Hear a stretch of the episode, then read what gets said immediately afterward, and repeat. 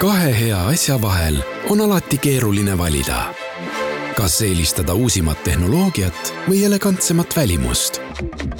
uue Toyota Camry täishübriidelektriautoga on valik lihtne. See on lipulaeva elegants, mugavus ja turvalisus. uus Camry Hybrid koos viimase põlvkonna Toyota Safety Sense ohutuspaketiga. Camry Executive on nüüd eriti hea tutvumispakkumisega. vaata lisa toyota.ee. kuku raadios välja öeldud seisukohad ei pea ühtima Kuku raadio seisukohtadega. Te kuulate Kuku raadiot teadus teab. Teadus teab. Tänases Teadus teab rubriigis räägime lugemisoskusest. tekstist arusaamine on ju üks väga vajalik oskus, sest see aitab inimesel ühiskonnas paremini toime tulla. ühtlasi on teksti mõistmine oluline nurgakivi ka edasistes õpingutes ja neid tegureid, mis meie teksti mõistmise vilumust mõjutavad, on mitmeid ja just seda Maile Käsper oma Tartu Ülikoolis kaitstud doktoritöös ka uuris täpsemini võttis ta vaatluse alla õpilaste teksti mõistmist ja lugemishuvi toetavad õpetamisstrateegiad põhikooli esimeses kooliastmes ja Maile Käsper, selgitage hakatuseks, et mis ajaks võiks olla lapsel välja arenenud lugemisoskus, et ta oskaks lihtsamaid sõnu kokku lugeda? lihtsamate sõnade lugemine on kindlasti juba eelkoolieas, et äh, lasteaias juba õpetatakse, kuidas sõnu kokku veerida, kuidas tähtedest moodustuvad sõnad.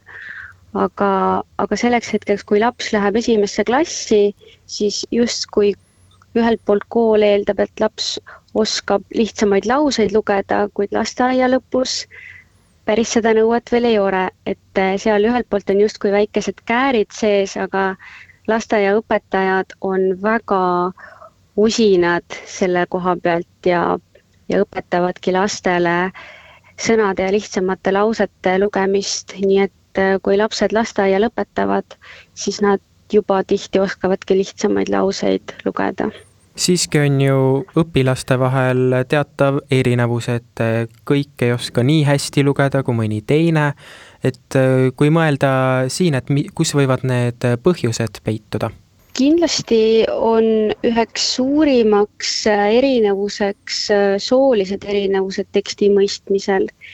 et põhikooli esimeses ja teises kooliastmes ehk siis esimesest kuni kuuenda klassini on tehtud väga palju uuringuid, kus on leitud, et tüdrukute teksti mõistmise tulemused on üldjuhul paremad kui poistel.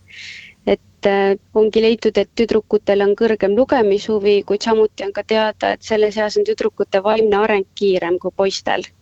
et ähm, et siinjuures ongi oluline tähelepanu pöörata just õpilaste lugemishuvi toetamisele et ka poiste teksti mõistmist toetada vajalikul määral siin kindlasti on ju sellised õpetamisstrateegiad äh, üsna olulised ja nendele te ka enda doktoritöös tähelepanu pöörasite.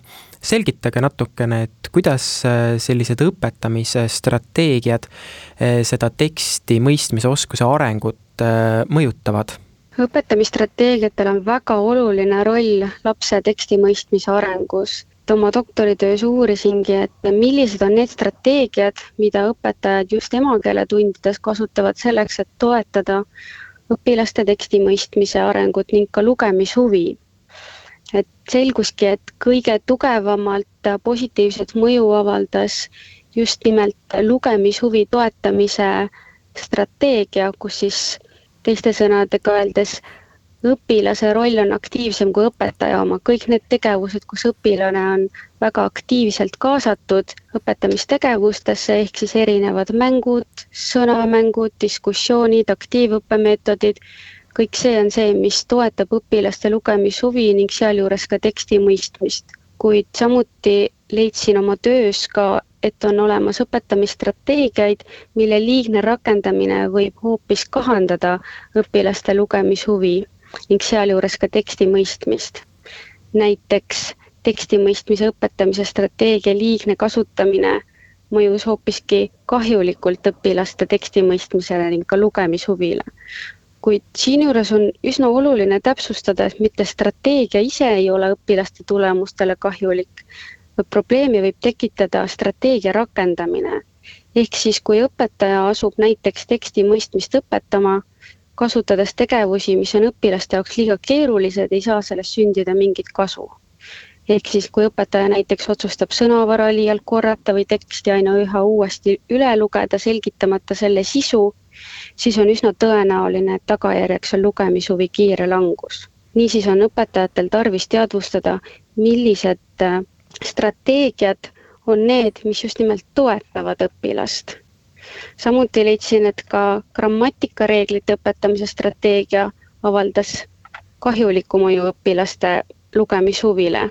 ehk siis grammatika on mõne õpilase jaoks väga keeruline, mistõttu õpetajad peaksid tegema väga läbimõeldud otsuseid viiside kohta, kuidas seda tõhusalt õpetada. et oluline ongi planeerida siis tekstide valikut ja tunnitegevusi, pidades silmas eelkõige õpilaste huve ja ajakohaseid oskuseid kas siin on oluline nüanss ka see, et äh, õpetamise meetodid võiksid olla hästi erinevad, et muidu on, hakkab võib-olla õpilastel natukene igav, kui pidevalt rakendatakse sarnast meetodit? jaa, see on väga oluline ja just nimelt põhikooli esimeses-teises kooliastmes ehk siis esimesest kuni kuuenda klassini on üsna oluline mõelda ka sellele, et laps peaks olema tunnis aktiivne pool, et, et sageli ongi nii, et õpetaja on hästi aktiivne seal klassi ees, aga noorematel õpilastel on üsna keeruline pikalt püsida ühe koha peal, kuulata ja jälgida, et mida aktiivsem õpilane saab tunnis olla, siis tegelikult seda tulemuslikum ka see väljund on, et seda rohkem õpilane õpib ja omandab. kui tulla tagasi nende eh, strateegiate juurde, et kas saab välja tuua ka selliseid eh, ohukohti või mis on justkui nagu punane tuli, et mida ei tasuks siis rakendada lapse teksti mõistmise arendamisel? kindlasti on oluline tähelepanu pöörata ka sellele, et mitte ükski strateegia ei ole üleni punane või üleni halb. et mõistlikul määral on oluline kasutada ka esimeste klasside puhul just nimelt nii-öelda seda loenguformaati, aga siin mängibki rolli, et kui pikalt siis seda teha, et kui õpilastel on näiteks vaja uut grammatikareeglit selgitada ja õpetaja peab selleks neli või viis minutit äh, loengu formaadis seda reeglit selgitada, sest see on igati asjakohane. aga kui seda teha pikalt, näiteks kolmkümmend minutit järjest, siis see on kindlasti liiga pikk aeg nooremate õpilaste jaoks. Et, et võib-olla ongi hea siinkohal meeles pidada, et mida nooremad on õpilased, seda aktiivsemalt peaksid nad tunnis olema, seda rohkem nad õpivad ja seda vähem peaks olema sellist nii-öelda passiivset õppimist ja passiivset õpetamist Teie tööst tuli välja, et just nimelt see lugemishuvi on hästi oluline teksti mõistmise arengus.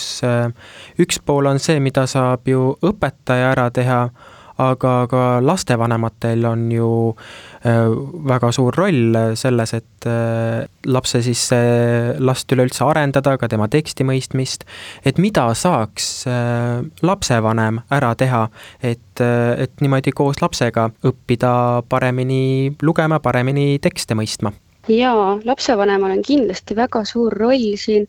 kõige olulisem on arvestada sellega, mis on hetkel äh, lapse huviorbiidis, mis on need teemad ja valdkonnad, mis hetkel last kõnetavad. näiteks kui esimese klassi lapsele pakuvad hetkel suurt huvi konnad, siis tulekski raamatukogust tuua raamatuid, mis konnade eluringi kirjeldavad ja piltidega selgitavad neid lõike lapsele ette lugeda, samal teemal pilte joonistada ning arutleda koos, nii tekitab see lapses huvi teemat edasi arendada ühised käigud raamatukogusse või raamatupoodi ning seal erinevate hetkel lapse jaoks huvitavate teemade uurimine tõstab samuti lugemishuvi.